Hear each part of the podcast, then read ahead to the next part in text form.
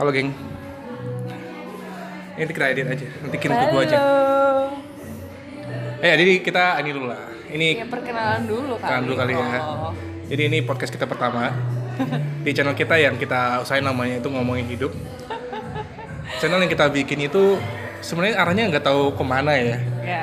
Cuma yang pasti kan kita udah tahu nih goalsnya seperti apa. Cuma belum breakdown aja akan gimana caranya. Ya nggak sih?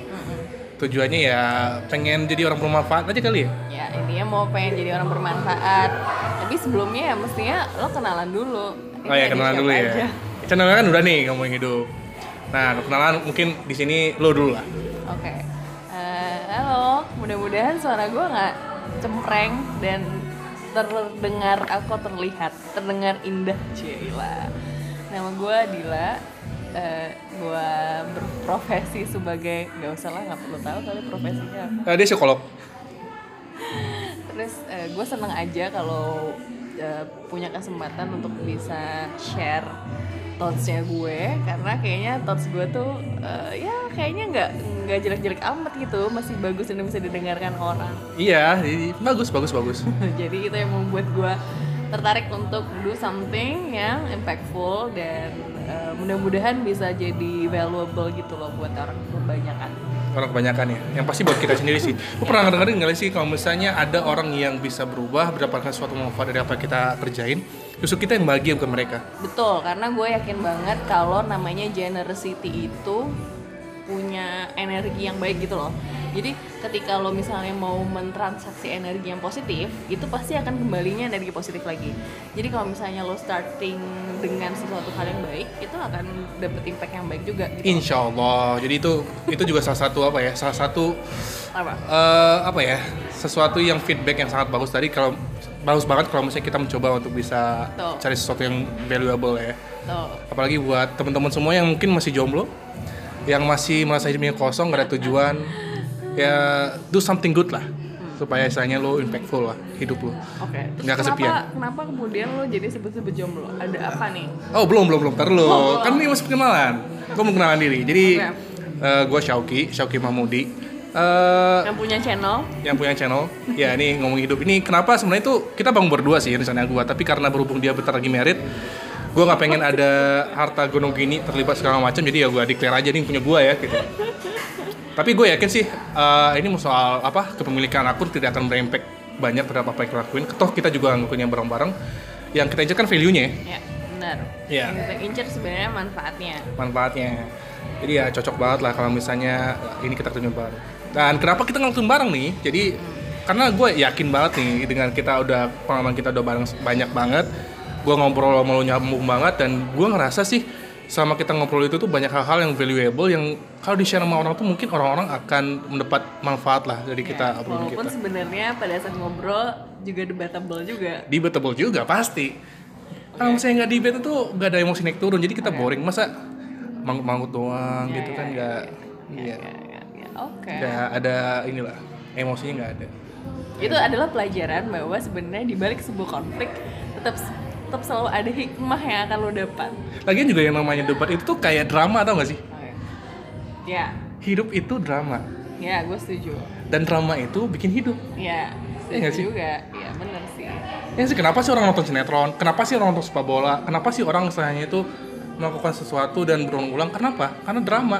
Nggak- kata gue sih ya drama itu sesuatu yang bagus. Ya, iya drama sesuatu yang bagus in terms ya drama yang ya drama yang baik sih. Kalau Iya. misalnya drama yang nggak baik sih tetap nggak bagus. Iya nggak bagus kalau misalnya lu gak cukup ilmu untuk bisa menghadapinya Mm-mm. Iya nggak sih? keren Ilmu. gak sih keren coy jadi drama drama sih.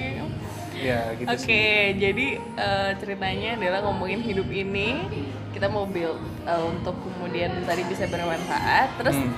Lo harus menjelaskan juga dong Ki, apa yang membuat ini beda dari podcast-podcast yang lainnya? karena ini dibawakan oleh orang-orang yang istilahnya itu peduli. Itu sih. Peduli, peduli apa?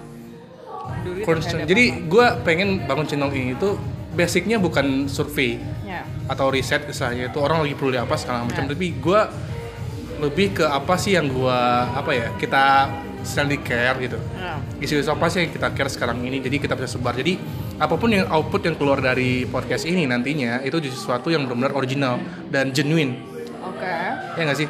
Value-nya genuine sehingga gua rasa sih kalau misalnya kita tuh nggak nggak konsep terlalu banyak segala macam itu lebih ngena gitu. Oke oke oke. Lo pengen sesuatu yang lebih autentik dalam artian kayak ya emang lo tulus untuk mau bagi dan share Yep, yep. ide ini ke orang Hmm, lain. menurut gue sih itu tuh lebih nyampe ke orang-orang Oke touch the heart oke oke. gitu sih Sama lagi. dan kita kan ini masih bulan syawal ya Oke. Lu lebaran di mana? Gue lebaran di rumah di Padang. di Padang oh gitu Sebagai orang Minang. Orang Minang? Itu kenapa kok Minangnya gitu sih? Lu sarkas banget orang Minang. Lu bangga nggak sih sebagai orang Minang? bangga sebenarnya. Maksudnya kayak what dia what you have to do. Lu udah lu udah punya lu tuh punya yang namanya dalam hidup tuh eh, apa namanya sebuah das destiny isn't it? Kayak like takdir bukan sih? ya udah terjadi nggak bisa Ya diubah. takdir. Maksudnya kayak ya lu udah lu udah di set oleh Tuhan bahwa lo akan jadi orang Minang gitu. Ya udah terus kayak ya lo harus apa terhadap itu? gitu. Eh, hanya saja kayak lo membuat takdir itu jadi apa? Maksudnya kayak lo lo akan ngebumbuin itu sama apa gitu loh. Lo akan bumbuin sama hal yang manis pahit. Ya itu sih. Gitu. tergantung perspektif orang masing-masing. asin nih kan? Iya. Gitu. Jadi itulah ngomongin hidup. Ngomongin hidup. Jadi ya kita terlalu melebar sih. Tapi gue pertanyaan terakhir. Lo di sekarang itu jadi orang Minang gimana perspektif lo sebagai eh, refleksi buat diri, diri lo sendiri aja. Apanya? Maksudnya kayak sebagai orang Minang orang Minang gue bangga orang Minang gue wah mantap atau apa. Kasih gue satu kalimat buat menggambarkan perasaan lo terhadap menjadi orang Minang. Eh gue tuh kalau misalnya ditanya gue bangga apa enggak ada segala macam gue sebenarnya lebih ke kayak apa ya kayak emosi yang netral di mana kayak gue tuh merasa bahwa selalu ada hal yang positif yang gue bisa gue ambil dan mungkin ada hal-hal yang enggak juga positif.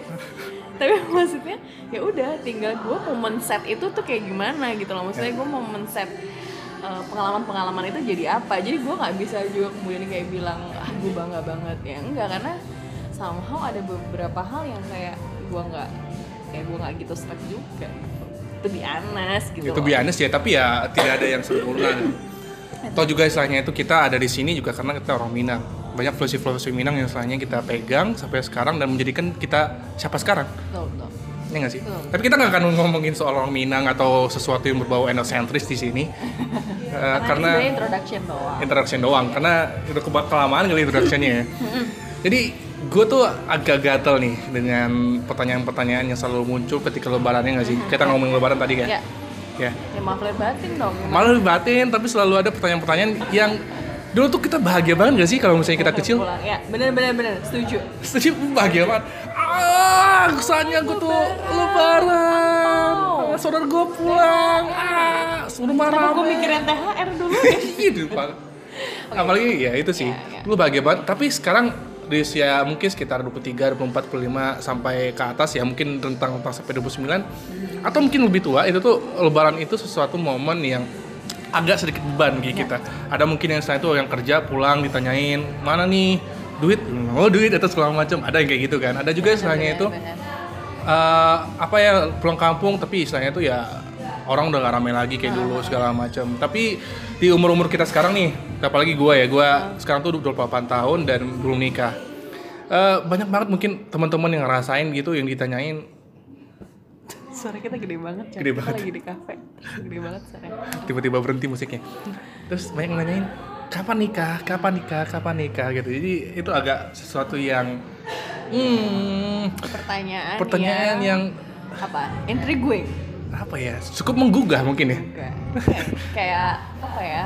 Maksudnya ternyata dalam satu pertanyaan yang sederhana tuh emosinya bisa kayak bercampur-campur gitu nggak sih? Kayak tapi itu juga menariknya terjadinya di usia yang seperti ini. Hmm, Kalau hmm, misalnya kayak kita di bawah usia itu, misalnya kayak dulu masih 18, 17, 19, 20 Ya pokoknya masih usia-usia sekolah, usia sekolah lagi bahasa gue. ya kuliah lah Usia-usia kuliah, itu tuh nggak jadi suatu hal yang kayak Aduh, gue ditanya ini. Tapi kalau sekarang itu jadi suatu hal yang kayak Wah, kenapa sih gue ditanyain ini? Gitu kan. Iya, because we are about that age. Ya, Iya. Nggak sih? ya sih. Ini sebenarnya kan lebih ke ya karena kita lagi melewati tahap apa sih gue bilangnya biasanya kayak quarter life crisis gitu. Quarter life crisis ya. 25 ke atas itu akan ngelewatin masa-masa krisis yang kayak lagi banyak banget mempertanyakan tentang dirinya gitu loh. Salah satunya itu ya.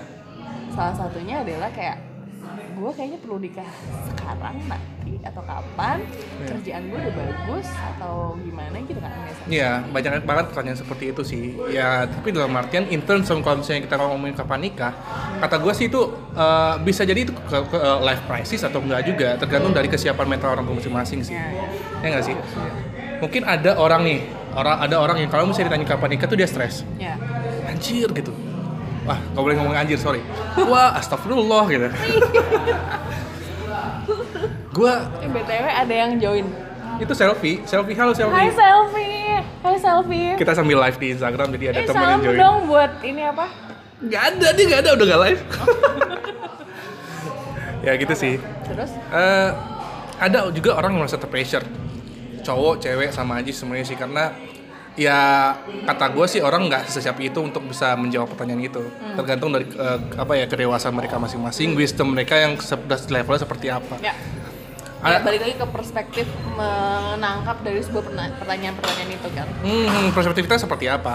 Ya kalau misalnya gue pribadi sih jujur gue nyantai-nyantai aja sih. Mhm. Toh dalam artian kalau misalnya gue itu gue tahu gue pengen siapa, bukan pengen siapa. Gue pengen orang yang kayak gimana dan gue pengen nikah itu kapan segala macam gue tahu. Jadi gue tahu juga kalau misalnya sesuatu itu tuh bukan masalah kayak kita beli di Alfamart gitu loh. Gue pengen nikah nih, ya udah ke Alfamart beli bayar sepuluh ribu, udah jadi gitu. Nggak kayak gitu juga kan.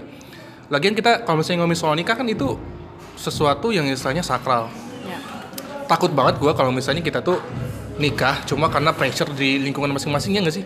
benar benar benar sih. gue sih selalu mikirnya bahwa it, it is not a race gitu kan It's not a Maksudnya race. ini Bener. bukan sesuatu hal yang kayak lo punya ini tuh kalau misalnya ya kalau kita ibaratin kayak ada sebuah eh, apa sih namanya tuh kayak apa sih kalau misalnya sirkuit Hmm. kalau kayak sirkuit gitu bukan berarti lo tuh kayak ada dalam sirkuit yang sama yang harus lo perlombakan gitu Hmm. kita tuh basically tuh semua manusia tuh punya sirkuitnya masing-masing ya nggak sih? Iya. Tapi kita suka lupa bahwa kita tuh punya sirkuit itu. Oleh karena itu karena kita suka lupa kita punya sirkuit itu tuh ngerasa bahwa kayak kalau kok gue di sini sekarang? Maksudnya kayak kenapa orang-orang lain udah nikah udah punya anak dan segala macam. Atau misalnya kayak mereka punya happy family gitu. Hmm.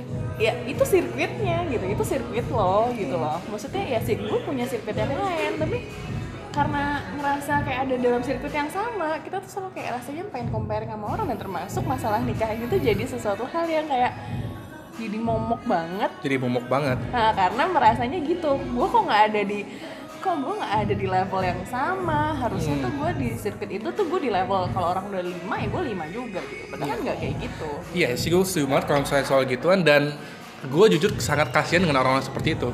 Dengan pertanyaan yang sama, reaksi orang berbeda. Dan akan sayang banget kalau misalnya reaksinya itu justru membuat kita tuh semakin mendepresiasi atau istilahnya itu tidak menghargai diri sendiri. Ya nggak sih? Ada apresiasi atau apa ada bisa itu gue gak tahu sih. ya ya ya pokoknya Iya nggak sih? ya nggak nggak nggak nggak jadinya eh, regards maksudnya nggak jadi menghargai diri lagi gitu karena Iya. lebih mementingkan bahkan kayak gimana sih pandangan orang terhadap diri gue gitu kan dibandingkan dibandingkan gimana gue memandang diri gue sendiri Iya. Dan itu adalah hal yang sangat jarang banget kemudian orang concern Iya. ya nggak sih Yang gitu sih. Banyak banget Eh, gue temuin. kadang-kadang suka kayak gitu Gue juga bisa kayak gitu. Itu natural manusia karena mereka manusia tuh orangnya gengsian nggak sih? ya benar-benar Ya nggak sih? Sama memikirkan apa kata orang segala macam. Tapi kata gue sih kita bisa setelah itu bisa independen dalam artian. karena sebenarnya itu sih itu tuh lebih kayak apa ya uh, survival of the fittest-nya Darwin gitu loh kalau Apa itu? kayak Bahasanya di, di, Iya, maksud dibumikan gue. dong bahasanya dibumikan. survival maksud gue ini tuh survival instinct kalau misalnya kita nggak pernah punya set perasaan kalau kita nggak ada comparing sama orang lain Hmm. itu tuh nggak pernah akan kayak punya eager untuk lebih kuat lagi loh misalnya gue tuh harus bertahan hidup nih Hmm. itu menurut gue tuh sebenarnya survival instingnya aja maksudnya gue kayak kalau lo ngerasa waspada kalau lo ngerasa kayak ngerasa insecure itu sebenarnya justru manfaatnya adalah kayak oke lo harus do something dong biar lo melakukan satu misalnya nih kayak kita belum nikah terus mungkin yang ngeliat wah kayaknya orang-orang udah pada nikah udah pada happy segala macam. Insecure kan yang muncul kan sebenarnya rasa insecure-nya gitu. Hmm. kenapa rasa insecure? Karena tadi comparing sama orang lain. Kalau misalnya kita melihatnya sebagai suatu hal yang tadi kayak malah justru jadinya mendepresiasi dan segala macam itu jadi kayak menjatuhkan harga diri sendiri jadinya buruk. Tapi kalau misalnya kita ngeliat kayak oke kalau misalnya memang gue belum nikah dan dan what? Gitu. Maksudnya apa yang bisa gue lakuin? Maksudnya nextnya gimana? Kalau itu kita maknanya sebagai oke gue harus bertahan juga. Maksudnya gue juga punya hidup gue sendiri gitu. Loh. Gitu.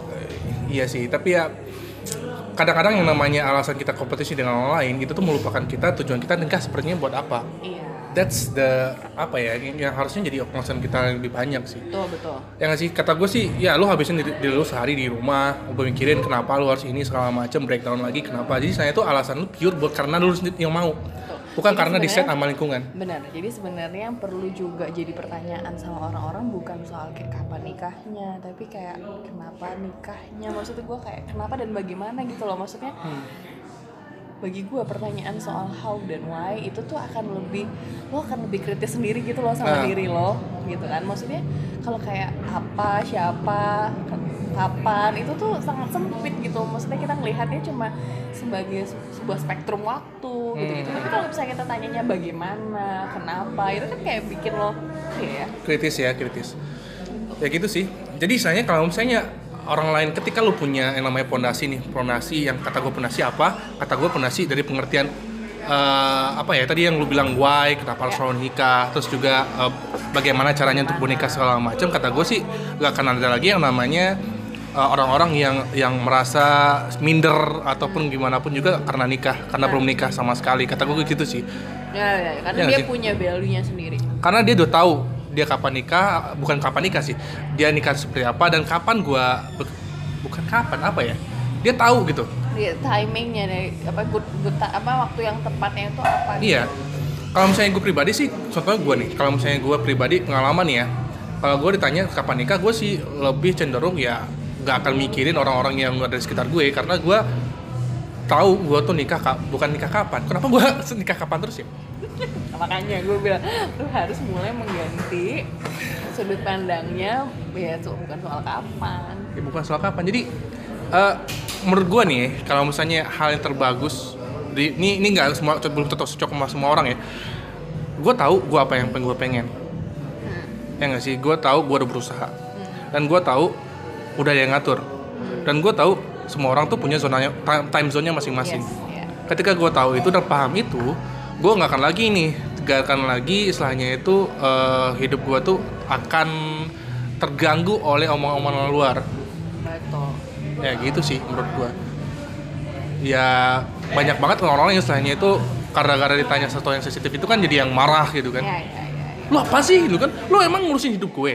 Hah? lu bayarin makan gue? Lu Dan gaji gue? itu karena social norms yang sudah dibentuk sama masyarakat. Jadi maksud gue karena ada norma-norma bahwa usia segini adalah usia yang paling tepat untuk orang menikah. Usia segini adalah usia yang paling produktif. Usia segini adalah jadi karena norma-norma itu udah terbentuk tadi, orang-orang tuh akhirnya bergerak tuh sesuai paradigma itu. Gitu, Hmm, maksudnya. hmm, hmm, hmm, dan dan emang itu nggak bisa kita nafikan juga kalau pada akhirnya orang-orang akan ya gitu loh pathnya jadinya Hmm. maksudnya kayak akan oh ya udah berarti gue harus ngikutin itu ya sosial kayak gitu. Sehingga jadinya tuh kayak lupa sama mengkritisi mengkritisisasi tadi mengkritisisasi. Hmm, hmm, dan mengkritis kenapa kenapa gitu? Bagaimana? Gue tuh honestly gue pernah sampai kayak bertanya ke diri gue sendiri apa sih sebenarnya menikah? Maksud gue kayak kita udah tahu konsep menikah dalam agama sebagai muslim tuh kita udah tahu.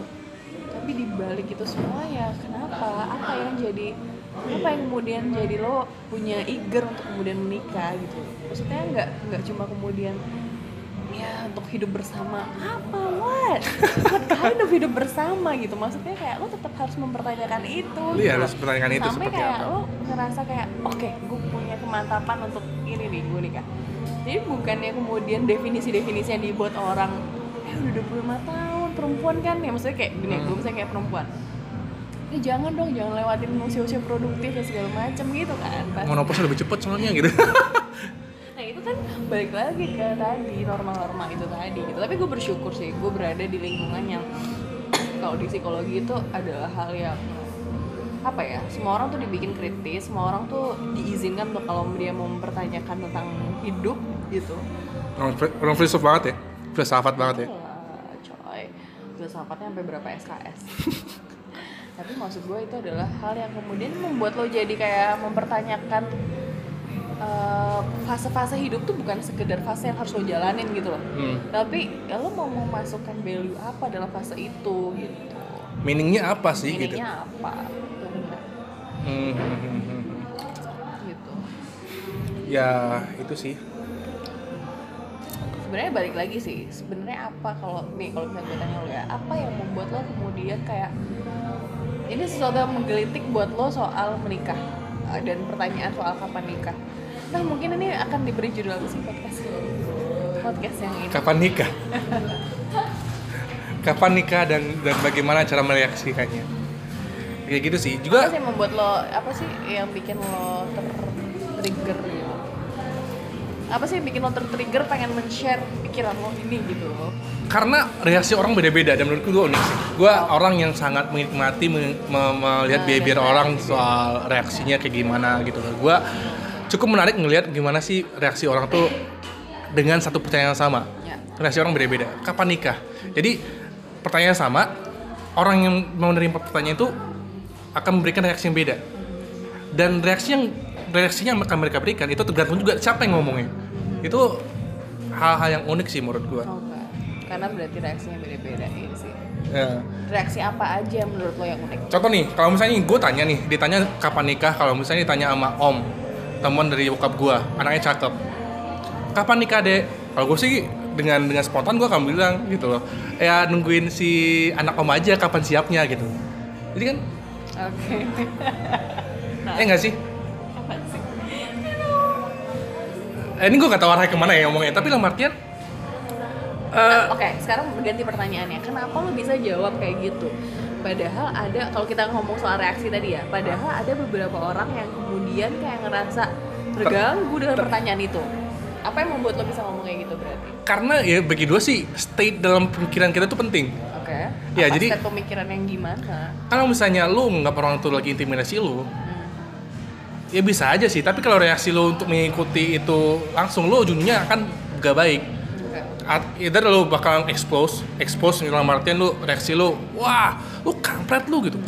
Lo emang nih ya ya. Lo ngapain sih ngurusin hidup gua lo nggak tahu aja gua udah cari nih selama macam memang nggak ada gitu. Lo mau nyariin lo mau biayain nikah gue lo pikir biayain nikah murah? Akan ada yang seperti itu kan? Jadi poin yang gue dapat adalah sebenarnya ya state pemikiran lo dalam menanggapi Still ngebangun itu. karena itu. karena itu akan me- me- efek ke emosi lu uh, the rest of your day berarti itu sebenarnya menggunakan konsep psikologi dan iya iya iya iya. Masih masih keke ya? Emosi, emang kayak gitu. loh pikiran itu kan saling berhubungan banget. Jadi maksud gue ya nggak akan pernah bisa dipisahin sih. Iya iya, pasti sih. Itu uh, apa ya kayak hacking life gitu gak sih? Ya betul. Iya gak sih? Kita bisa sesuatu masalah sama nih tapi kita akan bisa bereaksi beda dengan memahami konsep yang beda. Betul ya, setuju ya gitu sih. jadi sebenarnya kalau dipikir-pikir ya kalau kita balikin lagi nih ke judul soal kayak kapan nikah it is not about the question but how Hmm. To- we respond it. respond it. That's kenapa kita ya gimana cara kita ngeresponnya? Jadi kenapa sih kemudian jadinya kayak merasa terganggu? Dan pertanyaannya coba balik lagi deh kayak nanya ke diri sendiri lo kenapa terganggu? gitu. Itu mengganggu gitu. Bukan bukan soal pertanyaannya Ah. kan tapi maksudnya ya lo dimensi pikiran lo tuh mau sejauh mana? Kalau misalnya kayak lo ngelihat tadi soal comparing yourself to others lo ya lo ngerasa akan Terintimidasi. terus terintimidasi Ah. terus atau misalnya kalau lo ngerasa diri lo udah buruk ya emang tuh kayaknya gue udah madesu banget kayak gak ada Iya. yang mau sama gue ya itu karena lo mikirnya kayak gitu gitu Iya. tapi kalau misalnya lo pu- udah punya state of mind like ya udah gue tuh udah punya value sendiri oke om sebenarnya tuh gue kayak gini kayak gini kok gitu lo Mm-mm. akan pasti ngeresponnya juga beda juga. beda beda jadi sayang banget kalau misalnya lu gara-gara pertanyaan satu doang lu gak nyapa orang gitu. ya ya Ya, sayang banget kalau misalnya gara-gara takut percaya itu lu akhirnya gak pulang kampung. Bener bener bener. Ya ada yang kayak gitu kan? Kalau misalnya gue tuh ada yang kayak gitu. Jadi istilahnya uh, Iya, ada how to respond. banget, ada ada ada. Menarik menarik sih kalau misalnya. dan sampai kayak bahkan menghindar gak sih dari dari orang lain? Iya sampai ada juga istilahnya tuh ketika dia tuh udah memuncak dia berantem sama temennya. Ya ya ya kasihan banget sih. Ya kan ada tuh orang yang saya tuh pamer. Gue udah nikah nih segala macam terus nanya kapan nikah? Lu nggak pengen kayak gini nih? Ya, gitu. Ada yang responnya itu nggak bagus misalnya tuh eh, sayang banget kalau misalnya apa yang lu bangun selama ini rusak karena lu nggak bisa ngerespon pertanyaan seperti itu. Ya nggak sih? Oke oke oke. Ya gue selalu menganggap masalah itu sama. Yang membedakan adalah cara lu bereaksi. Ya nggak sih? Siap mantap. Eh nggak sih? Itu itu hacking life. Uh, sebenarnya kayak one of key to ya, be happy. itu basic banget Basic banget, tapi- banget, tapi suka we forget about Forget it about it. Ya butuh waktu dan juga wisdom yang banyak sih. ya ya benar-benar maksudnya kayak ya lu ketika misalnya lu udah menghadapi banyak persoalan dalam hidup struggles of life lu akan kayak pada saat lu bounce back lu akan belajar tentang itu gitu loh Iya gitu loh. Jadi gimana caranya lu bisa manajemen pikiran lu juga? Ya nggak sih? Ya, Lu sayang banget kalau misalnya lu worry about things that you cannot change. Lu, lu, lu, dapet, belum dapet jodoh nih. Kenapa lu stres hidup jodoh, uh, uh, mikirin jodoh mulu gitu loh? Anjir gue lonely, gue kesepian, gue butuh partner hidup segala macam. That's not things that you have to worry about gitu loh. Emang emang kita tuh harus nikah. you can't control maksudnya you can't control the maksudnya the person siapa orangnya kapannya, waktunya, segala macam. Karena hal itu kan complicated. Ya nggak sih? Bagi gue sih nikah, gue pengen nikah. Tapi the thing is, you just have to make a never of that. Ya nggak sih? oke Kalau misalnya gue nih dalam skala gue dengan skala orang berbeda ya, itu mah pribadi aja masing-masing. Tapi secara selama gue berusaha untuk mencari orang tepat, mencari the one. Gue nggak rencana poligami sih, tadi gue mau belum mencari the one. the one Ya, not the second itu perjalanan yang menurut gue ketika gue udah ngejalanin ya udah, gitu loh. Jadi gue tahu gimana tahap lu bisa mengenali diri sendiri itu juga satu tahap yang penting banget. Gimana cara Betul, merespon. betul betul betul karena maksudnya kalau lo nggak pernah bisa aware sama diri lo sendiri ya gimana mungkin sih lo aware sama orang lain dan memanage hubungan lo sama orang lain Yap, gitu yap, itu yap, itu yap. itu basic banget itu ya dan itu suka dilupakan orang juga Basic banget, tapi Maksudnya itu the change the kayak- whole thing. Yes, maksud gue kayak banyak orang yang kayak nanti belum soal pertanyaan nikah aja, tapi maksudnya dia kayak who am I? Gue nih siapa sih sebenarnya? Gue nih mau apa? Apa yang mau gue lakukan sama hidup gue? Apa yang mau gue capai dan segala macam tuh banyak yang nggak tahu. apa Maksudnya uh, positive things gue tuh apa aja dan lain-lain gitu loh. dan orang-orang itu rata-rata orang-orangnya eh, dark gitu loh coba nggak sih orang yang orang yang gagal-gagal bisa mendekskripsikan apa yang dia mau tuh hidupnya akan lontang lantung dalam artian saya tuh mungkin dia punya prosperity atau apa ya maksudnya dia punya kelayakan hidup tinggi jabatan tinggi tapi kalau misalnya dia gagal untuk mendeskripsikan siapa dirinya sendiri dan apa yang bikin dia happy itu rata-rata orang itu bakalan cenderung kosong lonely Iya, binder that juga sih sebenarnya. Iya. Binder that dalam artian kayak Apa dia itu? pernah ngelewatin binder. Wah, pernah ada dalam situasi kayak gitu ya maksudnya kita kayak bisa ngeliat kan sekarang Hmm. kalau misalnya kita nggak bisa define siapa diri kita dan segala macam itu adalah hal yang jadi sulit kemudian Sulit. untuk kemudian eh, apa punya relasi sama orang lain Iya, kayak gitu sih. Jadi kalau misalnya udah bisa terapin seperti itu, pertanyaan kapan nikah itu akan jadi much much easier. yes Ya, bisa. karena maksud gue dalam artian kayak eh, easier to maksudnya respon yang kita nggak kemudian jadi terganggu nggak sih maksudnya ya, ih apaan sih gitu ya jadi Nggak misalnya gitu itu aja. apa ya? Daripada lo setelah itu uh, stres menghadapi gituan, lu bisa apa ya? Ya kita bisa bahas yang lain dengan lu bisa ngeresponnya lebih bagus gitu.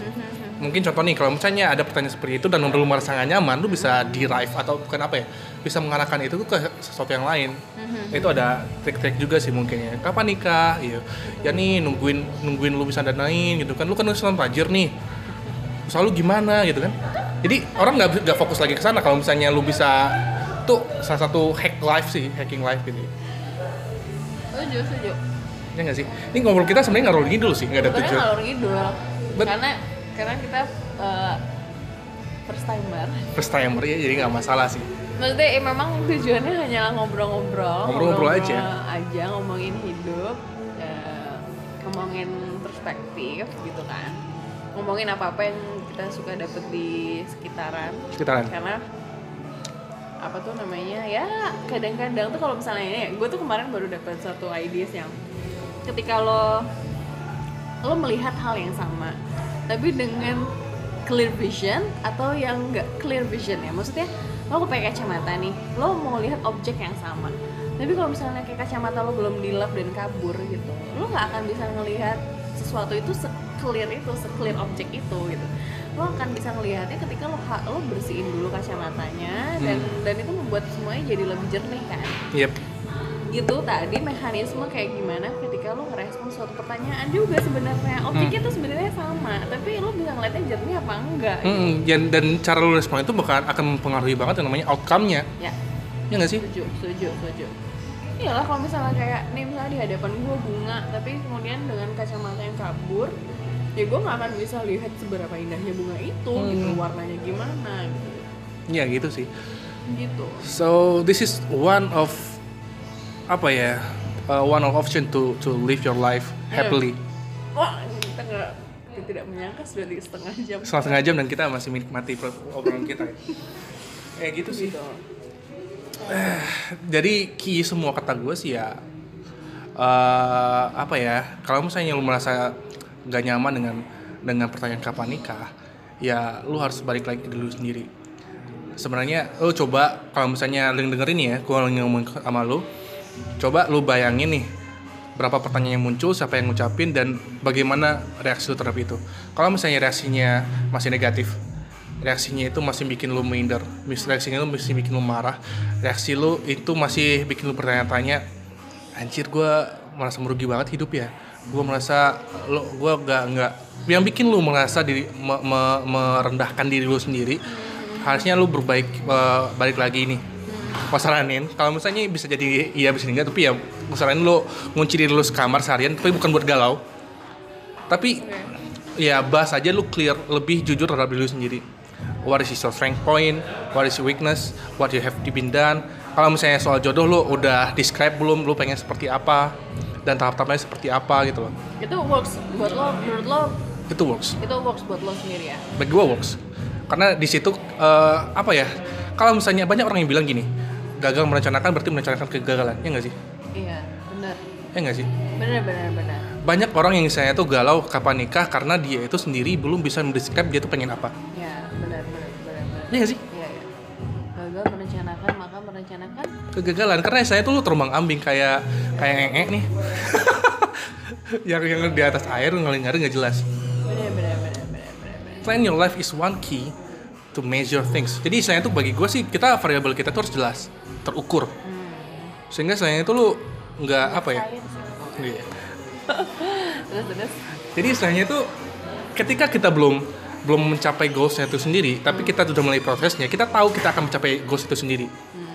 Jadi lu nggak akan lu akan apa itu membantu banget untuk untuk lu untuk menghapus salah satu hal-hal yang menghabiskan waktu lu secara percuma. Wasting time. Nah to think about the things that you could not could not change. Ya nggak sih? Iya iya iya. knowing that you have you have trying you have been trying is the things that ya akan membantu banget. But iya, maksudnya pada akhirnya accept things itu adalah ya hal yang paling penting banget. Maksudnya kayak ketika lo menerima berlapang dada, berlapang diri gitu. Hmm. Salah satu mungkin yang powerful banget bagi gue adalah tugas kita itu adalah ini kalau misalnya boleh soal religius ya, eh, yang tugas lu paling utama adalah berusaha. Tapi mendapatkan itu urusan dari yang di atas. Nah, Ya nggak sih? ya maksud gue gue selalu membayangkannya gini nih ya. Eh, kalau misalnya pakai eh, kontrol ya, dikotomi kontrol nih istilahnya apa ya? Maksudnya kayak ada hal yang bisa lo kontrol, Hmm. ada hal yang tidak bisa. bisa lo kontrol. Yap. Tapi kalau misalnya kita lihat bigger picture-nya lagi, itu sebenarnya semuanya Tuhan yang kontrol. Kayak Hmm. ya lu maksudnya surrender nggak sama hal ini gitu. Ya. Jadi gue kalau misalnya menanggapi apa sih sebenarnya apa sih gimana sih cara meresponnya karena kan tadi uh, kita ideasnya tentang soal kapan nikah dan gimana responnya sebenarnya balik lagi sih ke tadi state of mind lo kayak gimana melihat bahwa ada hal-hal yang kan tadi kontrol gua kontrol tuh dalam artian kayak ikhtiar apa yang bisa gue lakuin usaha apa yang Hmm. bisa gue lakuin tapi dibalik dari kayak semua itu ya lu surrendernya kayak gimana Sebenarnya kayak gitu. gimana? bener Iya bener sih. Jadi saya tuh kapan, gimana, itu tuh udah ada yang ngatur caranya. bener Ya nggak sih? Mhm.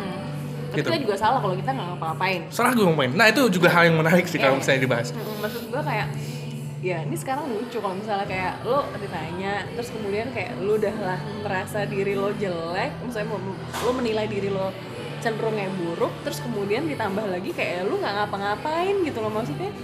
Ya salah ya kemudian ya jadi double double gitu loh Hmm. maksudnya. Eh, ya jangan sampai kayak gitu. Nggak sampai kayak gitu kasihan. Lu kasihan kalau misalnya orang kayak gitu tuh lu hidup lu hidup itu menyenangkan kata gue sih. Dengan dengan bekal yang tepat dengan perspektif yang tepat. Benar gue gua kenapa kemudian maksudnya ini mau share aja sih mungkin sama yang mau mendengarkan.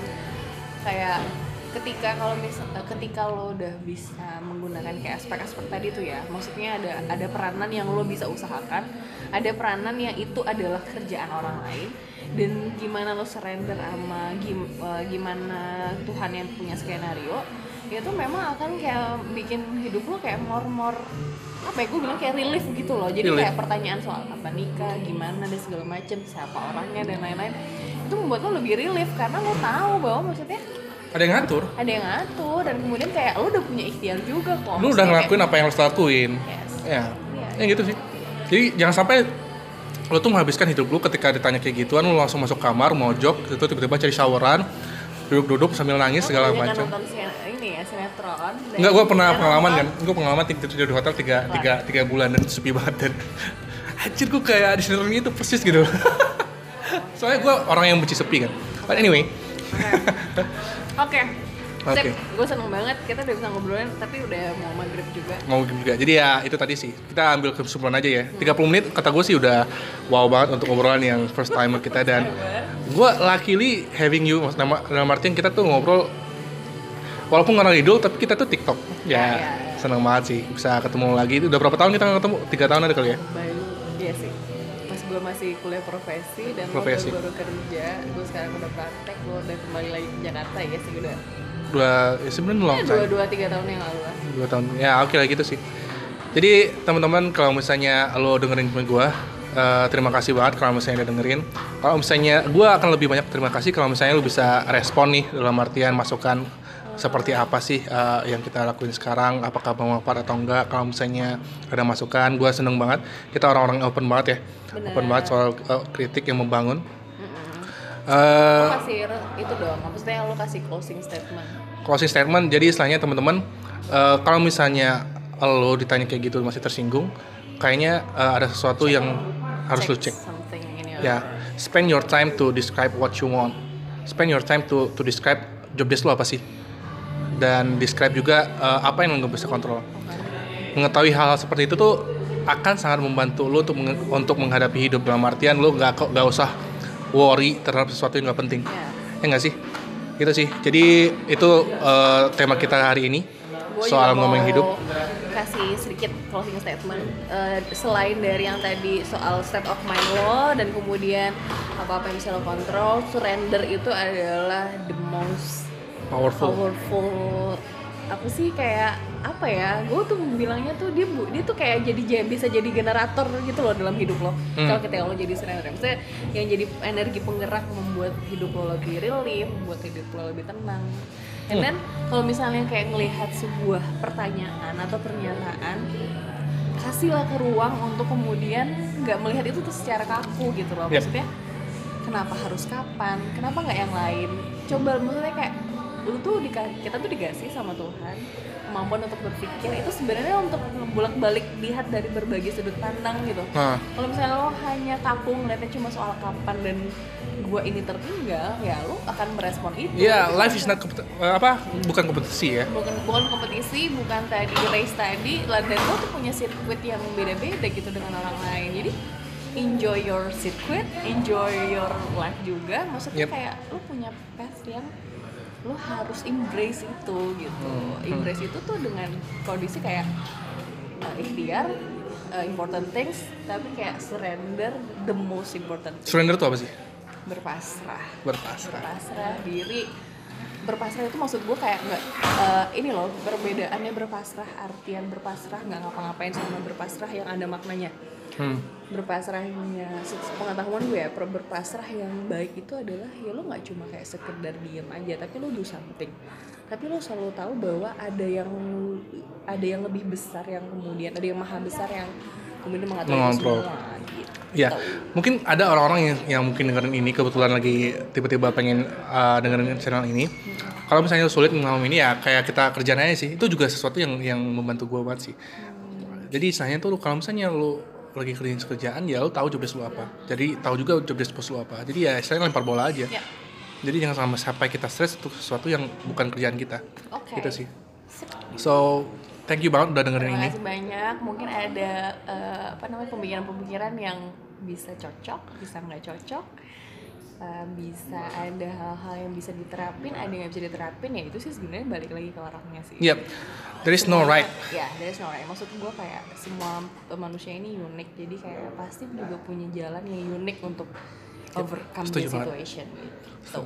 Sorry sorry kalau ada yang salah-salah. So, Terima sampai kasih banyak. terima kasih banyak. terima kasih banyak dan kita uh, ketemu lagi di episode berikutnya di channel ngomongin hidup. Bye bye. Bye bye.